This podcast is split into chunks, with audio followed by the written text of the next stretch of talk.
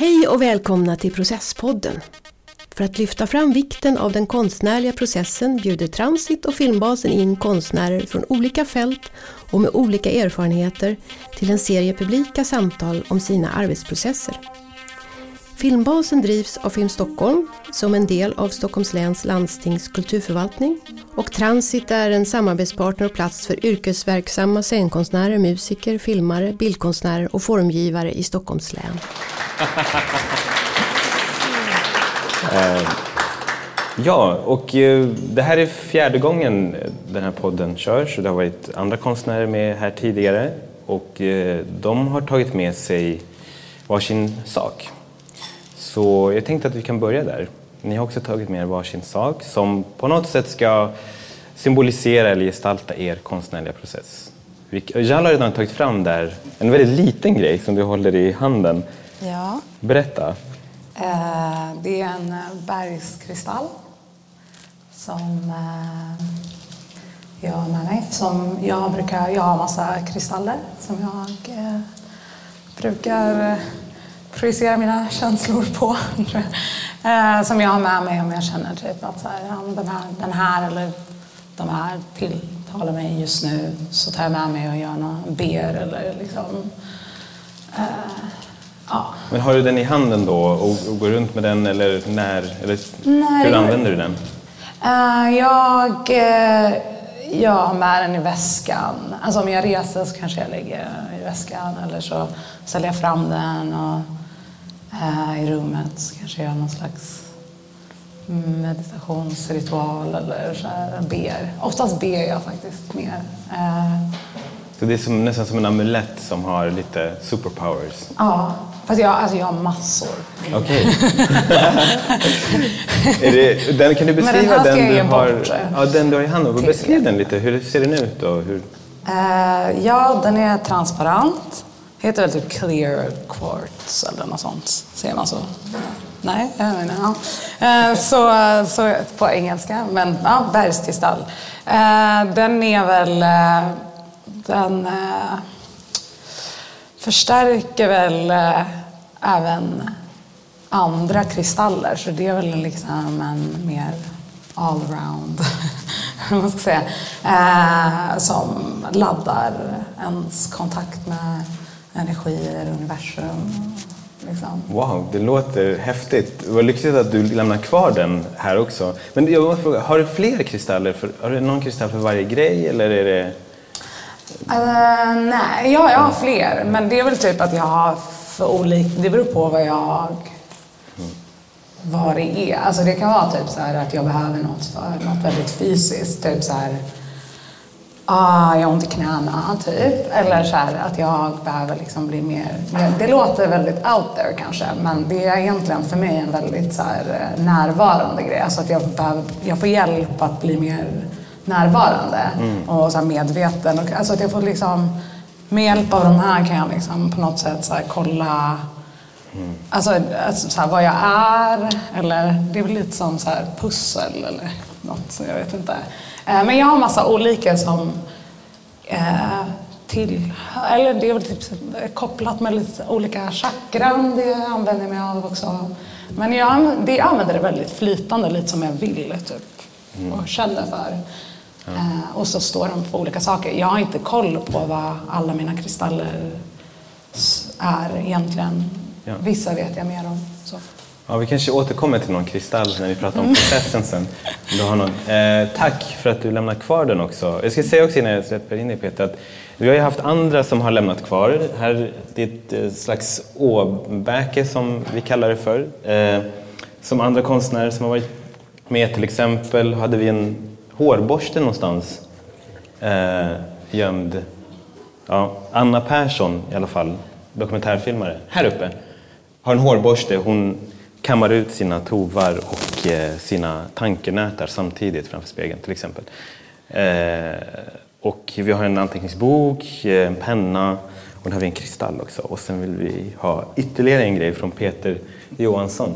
Berätta om din sak. Jag gjorde det väldigt enkelt för mig. Jag tog med en bok Ja. och det enda med den är att det är en, en fet kerub på framsidan som kan eh, inspirera nästkommande poddkastare. Ber- Berätta, hur, vem är den här på? Det är, det är en bok om vad jag har gjort eh, under 90-talet kan man säga. Ja.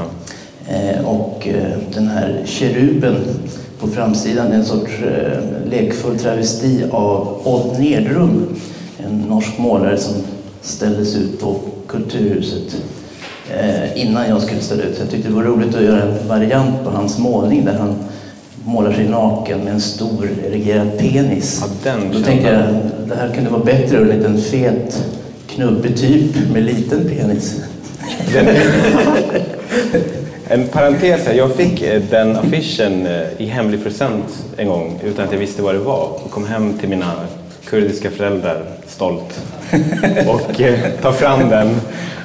Pinsamt, väldigt pinsamt. Men, men det här är, det är väldigt fint. Så det, det är du som eh, du använder dig själv eh, i omslaget och det, det, är det dina samlade verk eller?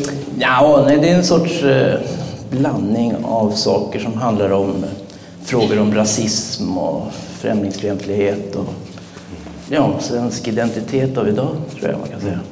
Och hur använder du den i din konstnärliga process? Eh, jag ger den inte till folk, jag tvingar folk att ta den här boken så jag kanske skulle kunna få nya jobb helt enkelt. Men det är ingen som vill ha något jobb när de tittar i den. Avancerat visitkort? Ja, det kan man säga. Den är fantastisk. Ja, Den är, vi har ju bläddrat lite i den innan. Den är, det är jättemycket fina bilder. Verkligen. Ehm, Okej, men tack för era eh, prylar. Jag är nyfiken på, ni har ju båda hållit på rätt länge, Peter har hållit på lite längre. Ehm, och om ni, om ni backar tillbaka och tänker på när ni började fram tills nu. Vilka är de stora insikterna om er konstnärliga process som har hjälpt er? Wow. Det är en stor fråga. Det kommer bli sådana här frågor. Den, den första, alltså, någon vändpunkt, någonting där du kände att nu kom jag över en tröskel, eller nu förstod jag någonting om hur jag skapar. Ooh. Vill du börja? Eh, nej, jag tycker du ska Ja, börja. eh, ja alltså det är ju...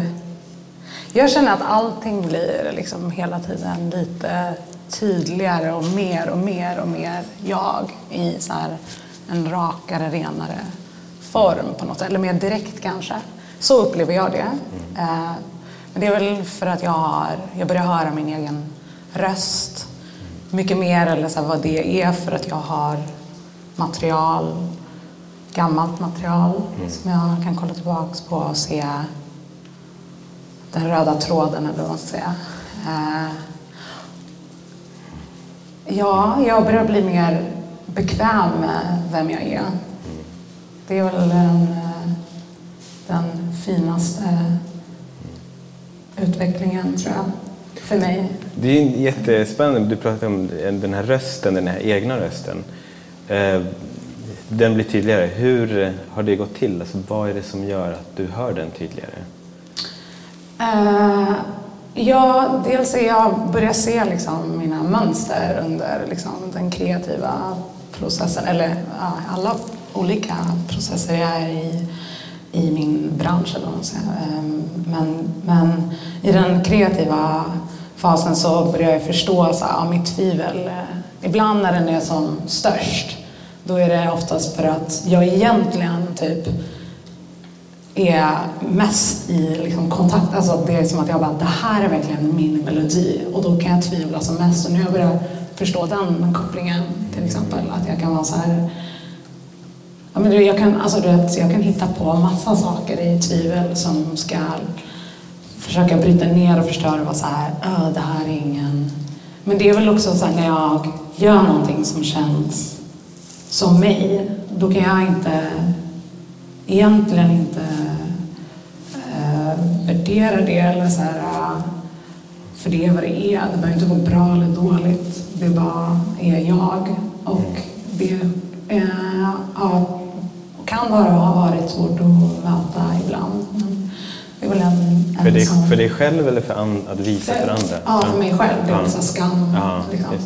Men, eh, så det är väl, ja, jag ser de här olika eh, känslorna och så här, eh, mönstren när jag går igenom liksom, under min process. Just det. Ja. Du, du gör med fingrarna, så gör det som cirkla, är, det, är det lite cirkulärt för dig? Att du som en spiral kommer närmare och närmare? Är det så det känns? Att du återkommer till... Ja, ja men visst, Ja. på något sätt. Och sen är det liksom... Ja. All over the place ibland också. Ja, men Okej. också så här, när jag ska, när jag kommer till en... Alltså när jag, jag tycker det är skönt att hitta så arbetsmetoder och sätt att göra saker på. Jag, jag, eller som, jag, jag tänker på mina kompisar som har gått konstskola och så här, hur... Jag är ju liksom, ja, jag vet inte vad ska jag säga med det, men, men jag, eller jag tänker typ så olika verktyg som jag har fått bygga på mig. Men det var inte det jag skulle säga. Vad, vad sa du precis innan? Nej, men just eh, det här cirkulära, att du kommer närmare och närmare din röst för varje, för varje låt. Känner du att du kommer närmare det du gör? Eller? Ja, men jag vill också alltid bryta det. Okej. Det är också det, att jag vill också alltid så här, äh, bryta ner, göra något annat. Så att jag ska alltid så här, liksom pusha det på något sätt. Men för att jag tycker det är kul. Okej, tack. Peter, eh, kan du se faser du har gått igenom? Utvecklingsfaser? Oj, jag får inte svara på samma fråga. Nej, du kan, ja, det är samma fråga omformulerat lite grann. Mm, men svara gärna på den frågan. Ja, Som, samma fråga. faser. Alltså jag, höll, jag håller med väldigt mycket det här att man blir tryggare i eh, vad man håller på med.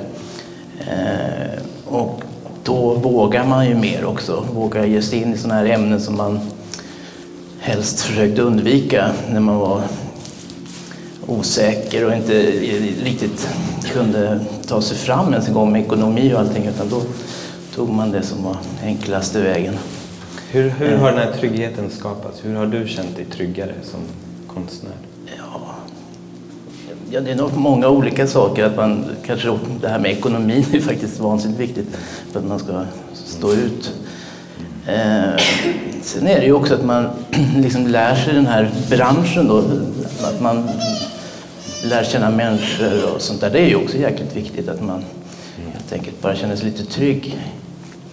Sen är det också sina egna tankar att man eh, jag kan göra den där cirkeln också.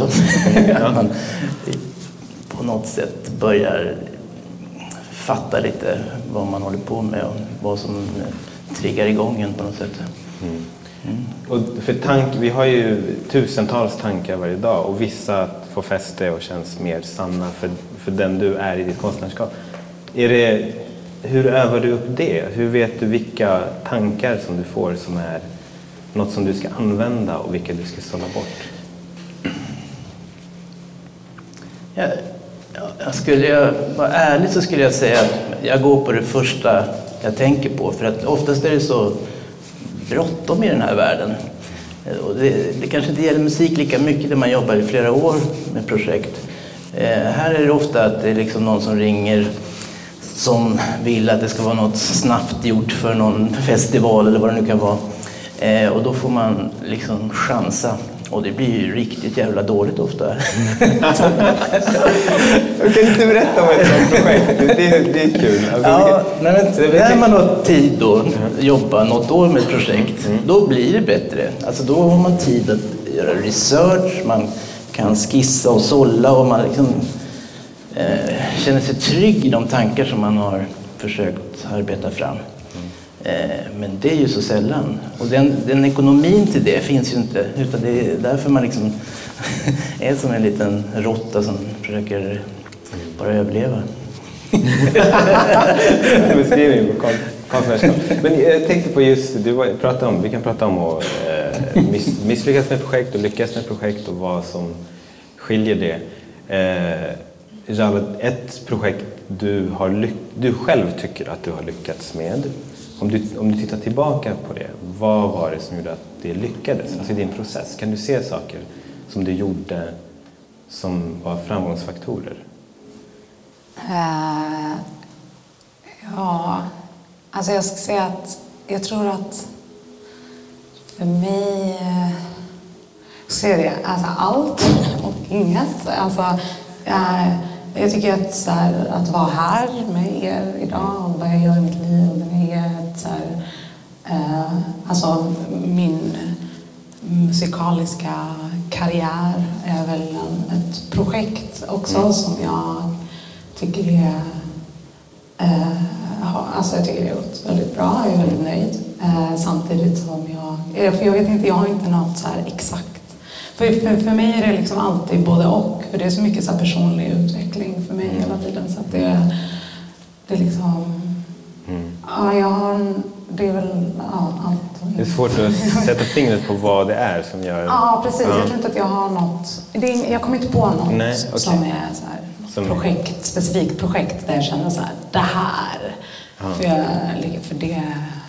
Men kan ni känna, vad, vad är det som gör att det känns att det går bra? Alltså, vad gör du för att komma i ett tillstånd av att det går bra liksom, i det du gör? För mig, ja, jag, jag tror att det är tålamod. När jag så här håller på med, nu håller jag på med min andra skiva och det är en väldigt lång process. Eh, att, att förstå liksom under processen att så här, det här kommer ta tid, det kommer bli något. Alltså jag hinner ju flera gånger på vägen vara så här, nej fan jag suger, det här kommer inte, alltså det är så här, kommer jag göra, kommer det bli något av det här?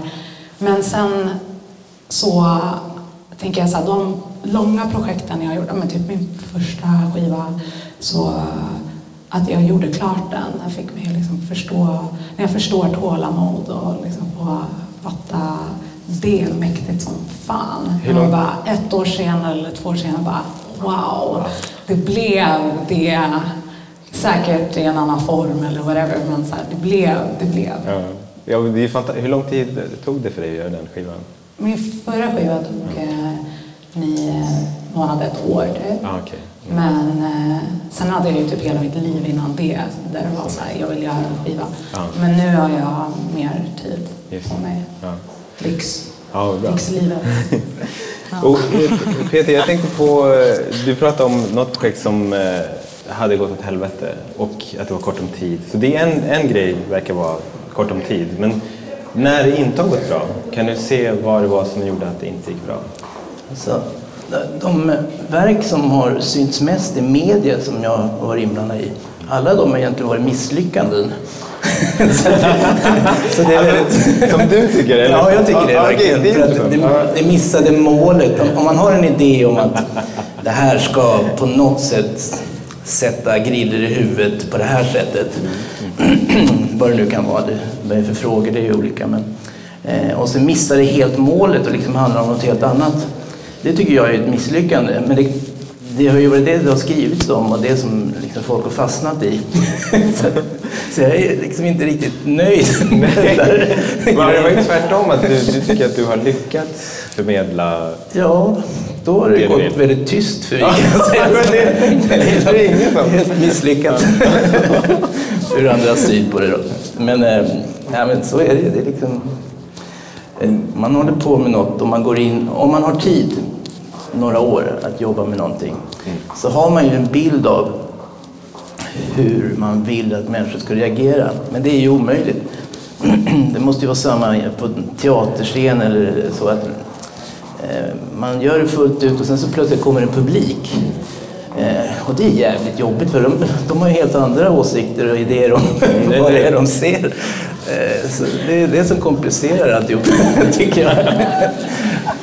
Men om man bara kunde hålla på för sig själv Jag aldrig visat någonting. och hade jättemycket pengar och sådär.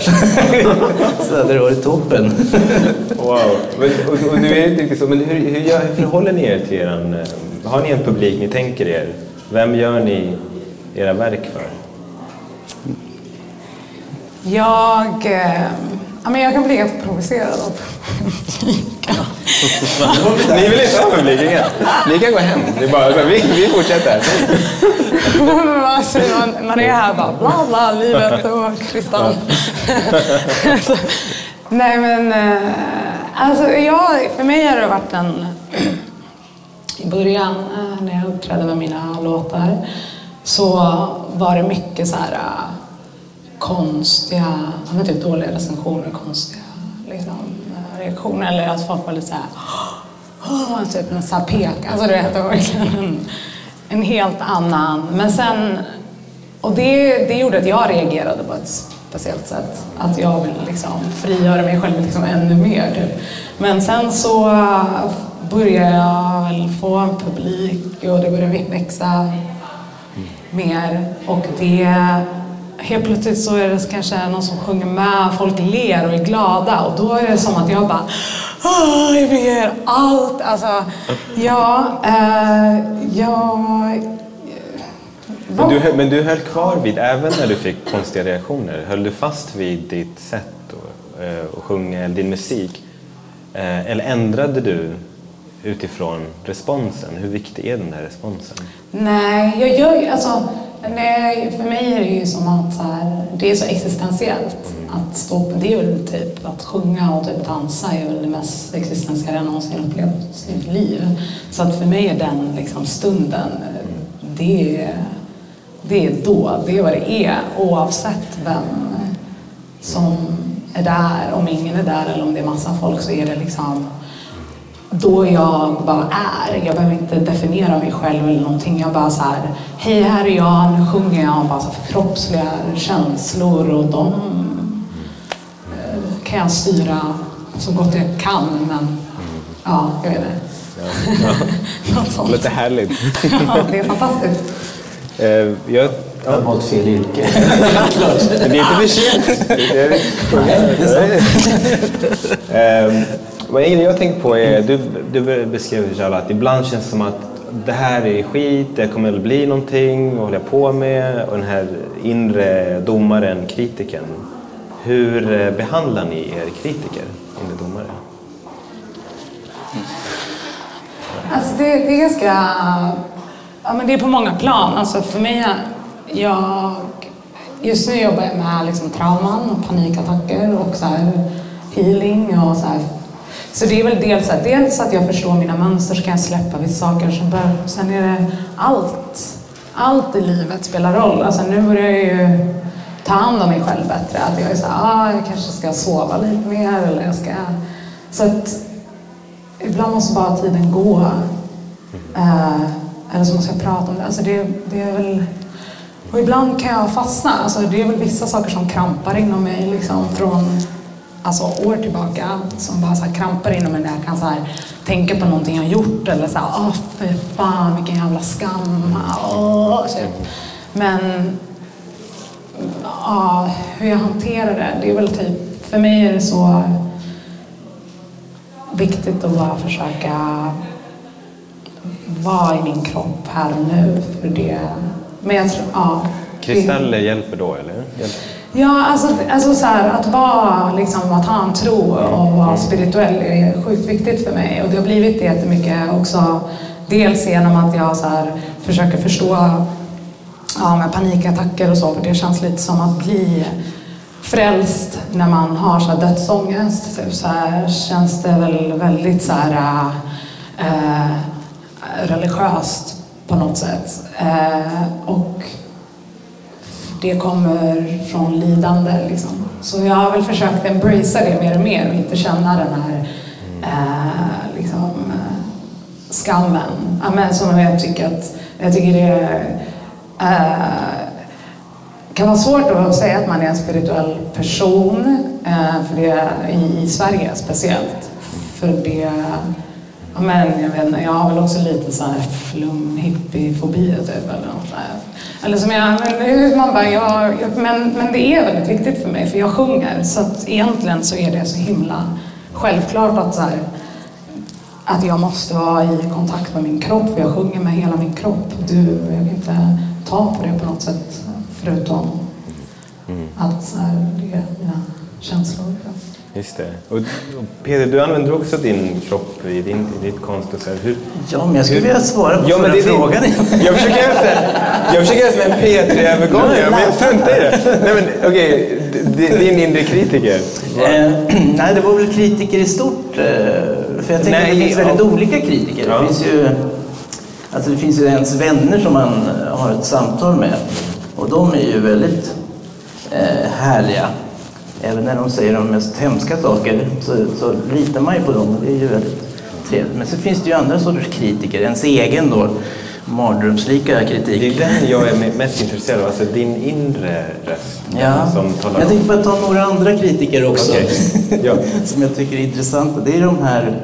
Eh, det finns ju alltså konstkritiker eller musikkritiker. Eh, och där finns det ju olika metoder. Det finns ju till exempel ja, eh, regissörer och stadsteaterchefer och sånt som skriver hatbrev och sånt där till dem. och det tror jag är ingen bra metod. Så att jag försöker väl med nålar och tomater mot bilder hemma hos där. Voodoo-dockor. Voodoo-dockor är väldigt bra. Det, det skulle jag kunna rekommendera faktiskt. Eh, men sen så finns det ju de här kritikerna som attack- Jag har ju haft väldigt problematiskt eh, med nazister och ultrahögermänniskor av olika slag. Eh, och de kritikerna, det roligaste med dem, det är att de alltså för det första går och tittar. Det är ju jättebra. De tittar på ja, invandrarmagasin på TV. Jättebra, de borde ju nästan lära sig något kan man tänka sig. Dessutom så har jag blivit recenserad 13 gånger i en tidning som heter Nordfront som är en. Och, och det, det tycker jag nästan, det är min stora glädje faktiskt. Att man tvingar dem att skriva en konstrecension. Vad, vad skriver de? Det är bra. Vad tycker de? Ja, det börjar väldigt så pedagogiskt och ur deras sätt att se på det hela. Men det slutar ju med att jag är någon sorts landsförrädare och ja, vad det nu kan vara, kulturskymning, tror jag. Ja, verkligen... Okej, men jag vill ta det tillbaka till den här inre... Jag vet att ni vill, jag vet, ni vill undvika, vi vill alla undvika den inre kritiken, men alla som håller på med eh, måste ju brottas med den där. Är den, kan den vara till hjälp någon gång? Eller hur, eh, hur gör du Ja. när, när du känner att du fastnar? Jag, jag måste säga att den driver en framåt i alla fall. Eh, Den är ju inte rolig att ha att göra med för att den är ju självdestruktiv på något sätt. Man utsätter sig ju hela tiden tack vare den för väldigt mycket konstiga grejer. Eh, Men den liksom ligger ju på Eh, så att man gör mer på något sätt. Eh, Men det är ju, frust, det är ju fruktansvärt. Med- Jag hatar Ja. kritik. Och publik, ja det är det, publik är kritik. Men du, du beskrev att när du tvivlar som mest, det är då du är närmast någonting. Eh, kände du? Ja, ja ibland. Alltså, eller det, det är en sån specifik, det handlar mest om... Eh, men det är väl också för att jag är mig själv i min råaste form kanske. Alltså, och det känns jätteblottande liksom. Men, men det är väl också i min musikskapande, för ibland kan det vara så att en melodi, alltså när, när den bara kommer och det känns så här, jag bara, oh, jag är ett med universum typ. Då är det som Där är jag med dig. Det där är fantastiskt. Ja, och så bara, bara wow, och då kan jag vara verkligen så här, alltså manisk nästan. Bara så här, wow. Sen helt plötsligt är det som att jag bara, nej, det här är ju en låt. Det här är så här någon annans låt. Eller vad är, varför? För, nej, det är något fel. Så, här, så ska jag liksom, helt plötsligt bara är det som att jag, alltså det kommer så här, alltså jag kan bara hitta massa olika Ja, jag vet inte. Idéer om att det här är fel, typ. Men, ja. Och då, ja, jag vet inte. Det är för bra, tänker jag. Och så börjar du se brister i det du har gjort då? Eller Men- du hitta brister? Eller? Nej, men det, jag tänker typ att så här, jag, prat, jag brukar prata med, om andra liksom, vänner som är konstnärer och musiker, att man man kan hamna i det här att man känner sig som en bluff, typ. Alltså det är ibland som att jag bara, alla kommer komma på mig. alla kommer komma på att det är en bluff.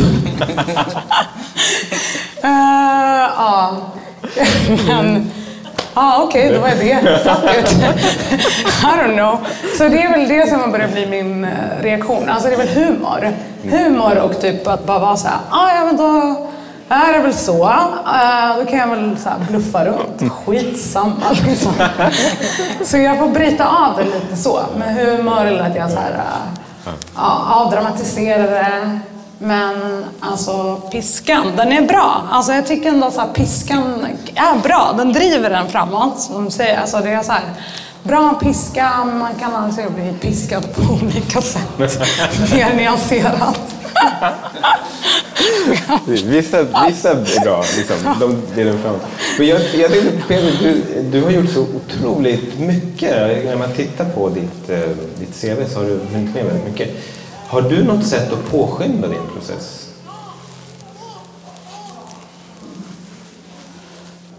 Ja, utöver den inre kritiken då, så tycker jag nog att det är eh, rent, jag var inne på det innan också, det praktiska, att man helt enkelt behöver pengar att betala hyra och sånt. Det är jäkligt bra. Då får man ur sig de mest usla grejer. Som, som folk gillar ändå? Ja, det verkar ju konstigt nog så. Nej, men sen är det väl det där att om man blir provocerad. Eh, jag tycker nog att jag... Alltså jag, jag kom ur någon sorts punkrörelse och tog ställning för saker och ting och blev liksom förbannad på sakers tillstånd. Eh, sen har man då... Jag försöker göra konst om det. Och, och det har ju liksom helt misslyckats. Det har ju bara blivit värre och värre allting. Eh, till exempel så tänkte jag någonstans att om man är försöker göra konst mot nazism, rasism och mot den här skinheadsrörelsen som var på 90-talet till exempel som var eh, en eh, riktig idiotrörelse. Så, så tänkte jag att liksom, gör man motstånd så kommer saker att bli bättre. Men det blir de ju inte. Utan nu sitter ju de här i riksdagen istället med kostym och grejer. Så att det liksom, saker blir inte bättre och det gör att jag blir mer och mer förbannad. Så det är nog en stor drivkraft, ilskan tror jag. Så ju argare du är desto fortare går det för dig att ja, skapa och, mer och ju sämre grejer. vill jag återkomma till. Men är det, kan, du, kan du ändå se så här under alla år att du har lärt dig vissa knep som gör att så här, nu kommer du fortare till mål eller fortare till det du ville? Eller alltså om du vill avslöja några tricks som du har? Oj, jag önskar att jag kunde det. Alltså, det, det, värsta med mig är att jag direkt när jag har lärt mig någonting, vad det nu kan vara ett material eller ett sätt att eh, ja, klippa eller vad det nu kan vara, så på, då vill inte jag göra det egentligen. Då blir det plötsligt så himla trist. Då kan man ju det och det, liksom, det är ju... Jag vill inte stanna där utan jag vill gärna pröva på något nytt då. Det komplicerar saker då blir det liksom inga lärdomar på vägen. Utan blir väldigt mycket men det, nylärande. Men det, ja, men det här nylärandet då, mm. kan du se att du blir snabbare på att lära dig nya saker? Att du har lärt dig hur du ska lära sig dig saker? Ja, jag, jag, kanske, jag, jag tycker man ska göra sin research. Man ska läsa på det man ger sig in i. Och det behöver inte vara just material och teknik utan det, det gäller ju ämnet. Så ska man ge sig in i, i tuffa frågor då måste man ju veta vad man håller på med och läsa jäkligt mycket. Och det tror jag väldigt många inte tror att man gör. Eh, det tar ju en jäkla tid helt enkelt. Och, och det går, den lärdomen är att man måste ta den tiden. Alltså det, det tar flera år ibland verkligen få en sorts allmänkunskap i det här man håller på med. Är jäkligt jobbigt. Uh, hur, Java, jag tänkte på, du är mitt inne i, en, i ett album nu eh, som du spelar in. Du berättade att du var halvvägs in. Men om man tar ditt förra album, när, när du var klar med den, när, hur visste du att du var klar? Bra fråga. Uh,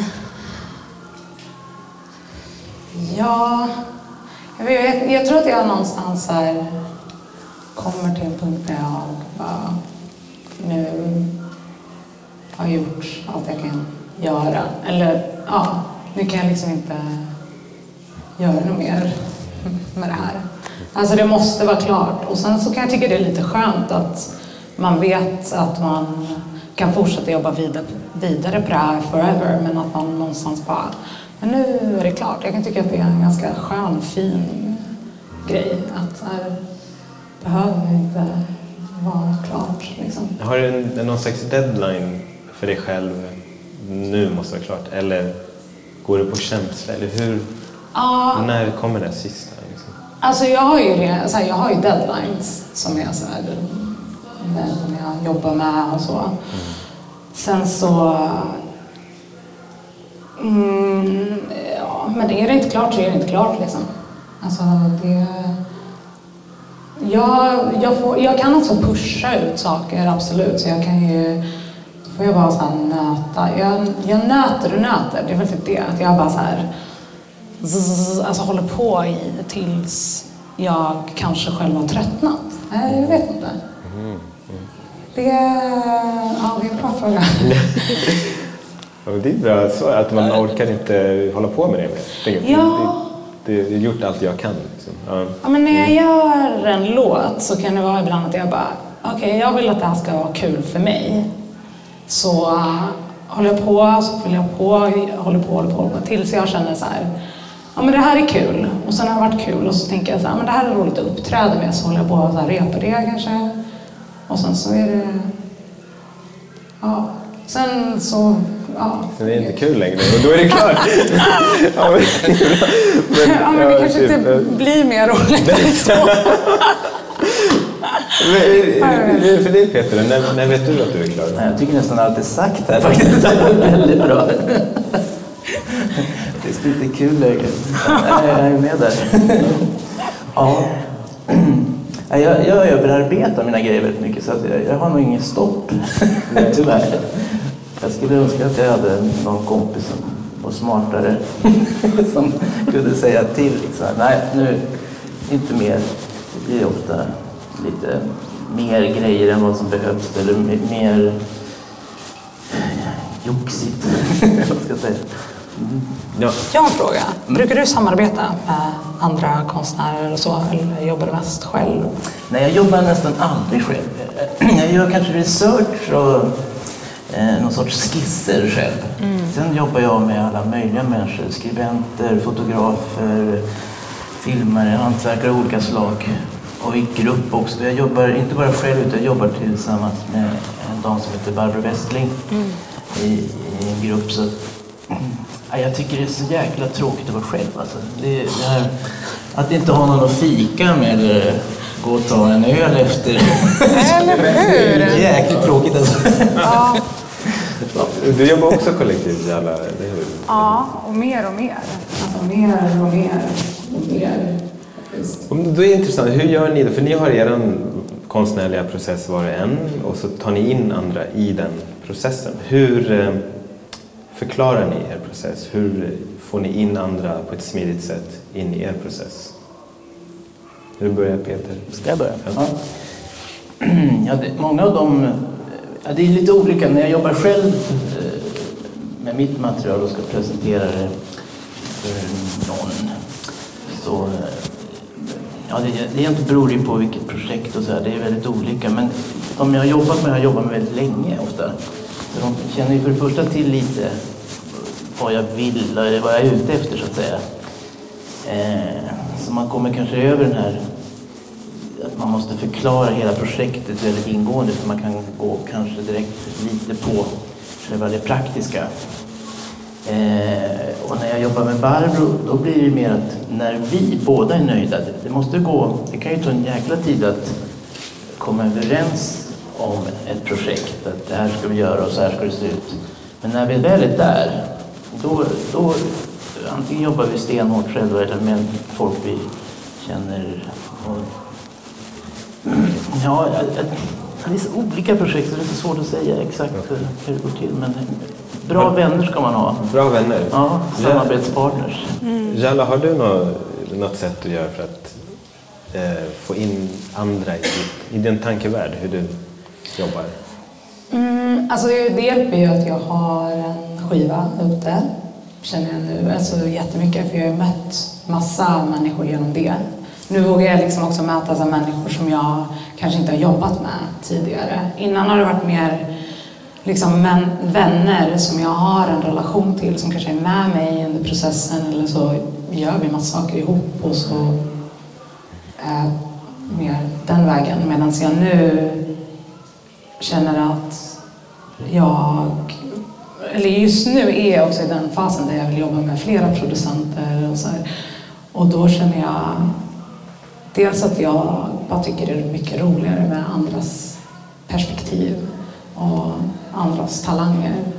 Eh, och så jag tycker det kan vara ganska svårt att sjunga i studio med andra. Alltså vissa saker gillar jag kanske göra själv. Typ.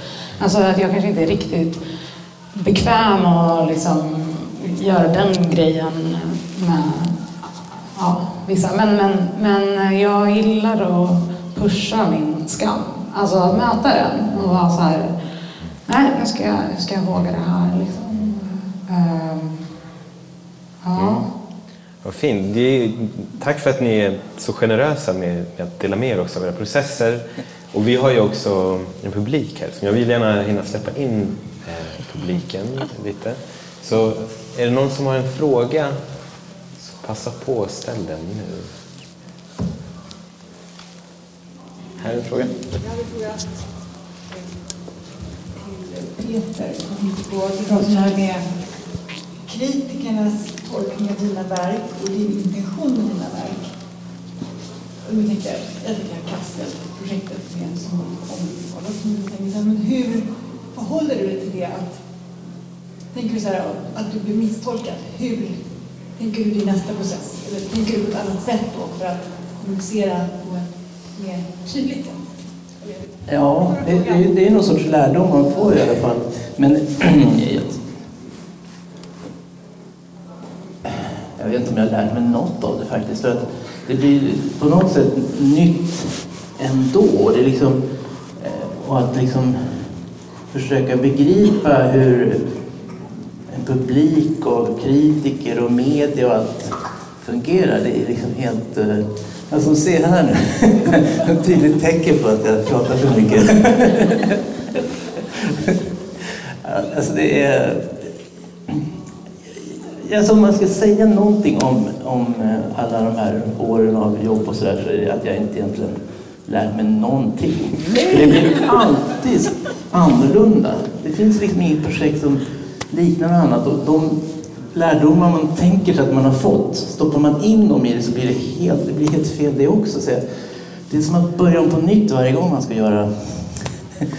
Nu låter det som jag skämtar, men jag menar verkligen det här. Att det, det, det enda kanske man har med sig är att man är lite mer trygg i sig själv och liksom har gjort så mycket så att man, ah, man vågar i alla fall.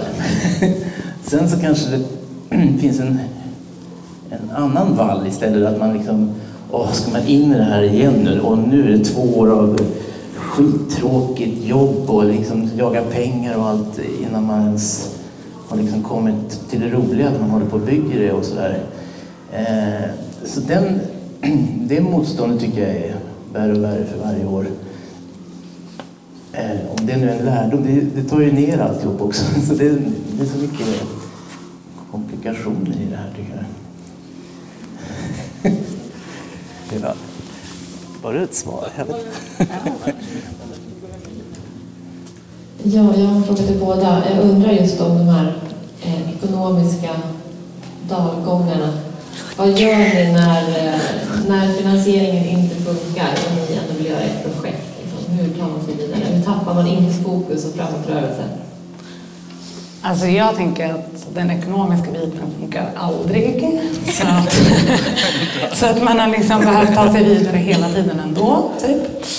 Så känner jag. Alltså det... Ja, jag, jag måste ändå fortsätta hela tiden fast jag vet inte, det är en skitjobbig, ja, skitjobbig del av allt liksom. Men eh, ja, för mig har det blivit bättre, mycket bättre. Det blir det hela tiden. Eh, så jag har hittat sätt att behöva kunna känna mig mer trygg på liksom.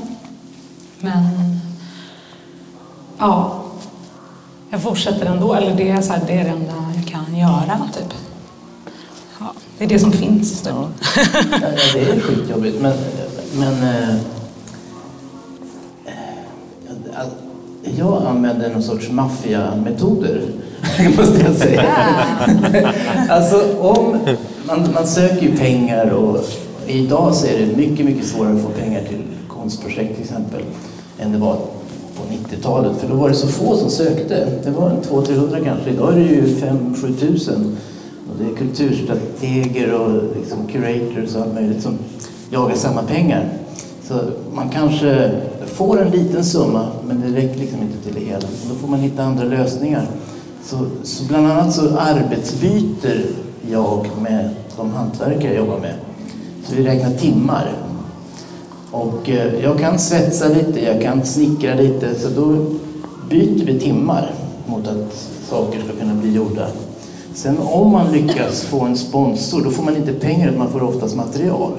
Och då ska man sno så jäkla mycket man någonsin kan. Och så ska man sälja det, eller byta mot de här som behöver det materialet. Och då kan man få till saker. Eh, jag vill veta mer. Sådana tips kan jag ge. Vi hade en kul fråga här. Jag, jag tänker ni båda pratar om eh, den interna kommunikationen som man hela tiden liksom, dras med i en process.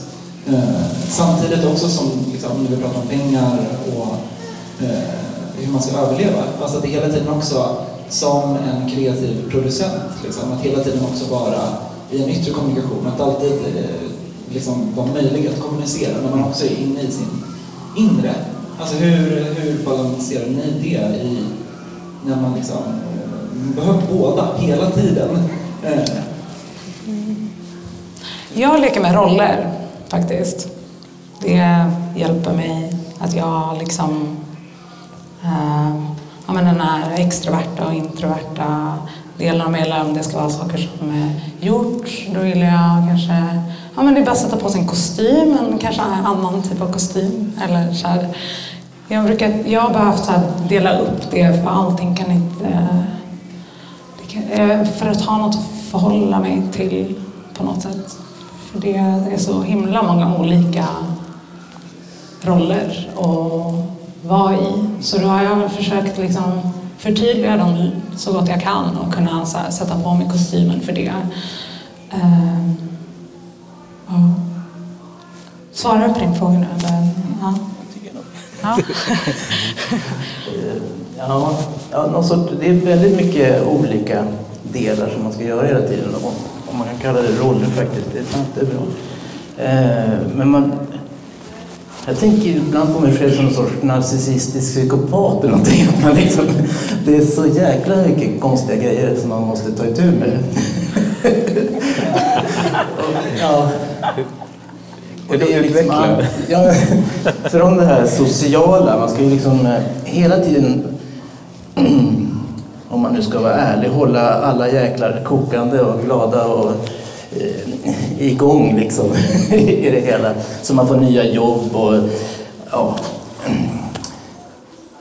Eh, ja, rent krasst, de man går i skolan med, de möter mig också liksom resten av sitt liv. De sitter på olika eh, jurygrejer, de sitter i stipendienämnder, de sitter i, som konstkonsulter och allt möjligt. Så de ska man vara jävligt trevliga mot.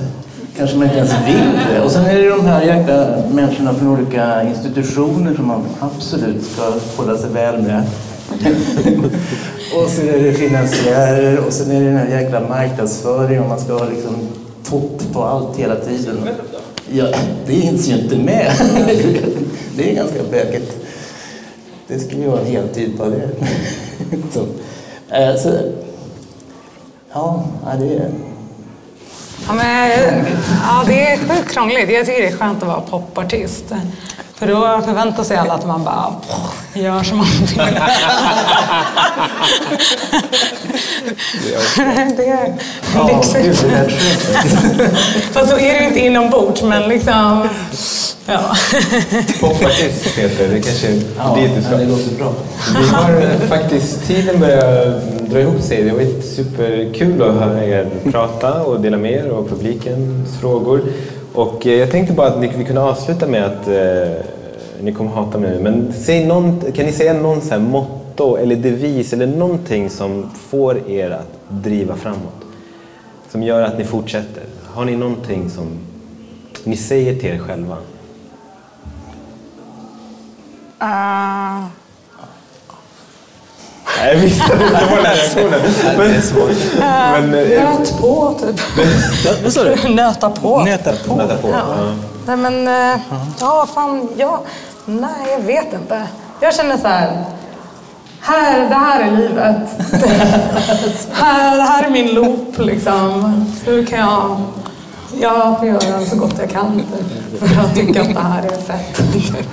Eh, jag har nog inget sånt. Kanske jag har. Nej, jag vet inte. Ja, alltså.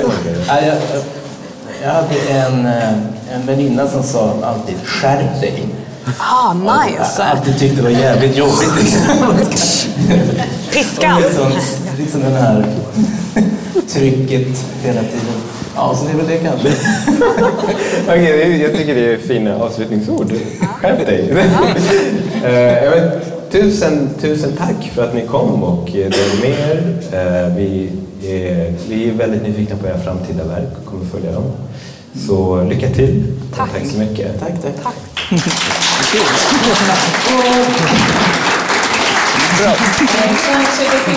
Vill såklart tacka så hemskt mycket. Oj, oj, oj. Böcker, varsågoda. Ah, tack. kan ni läsa på vägen hem till Berlin. Lina. Thomsgård. Eh, och för er som vill lyssna på det här igen, eller vill sprida det till de som inte var här, så kommer det här samtalet upp som en podd. Eh, det kommer upp på Filmbasens hemsida och det kommer upp på Transits hemsida. Och där ligger även de tre första samtalen eh, med sammanlagt sex olika konstnärer helt enkelt. Så nästa gång vi har Processpodden är på Stop Motion i oktober. Så att eh, får vi se vilka som kommer då. då. Och undrar ni någonting om Transit och Filmbasen så får ni paffa mig eh, och inte Ann-Marie får måste springa. Tusen tack.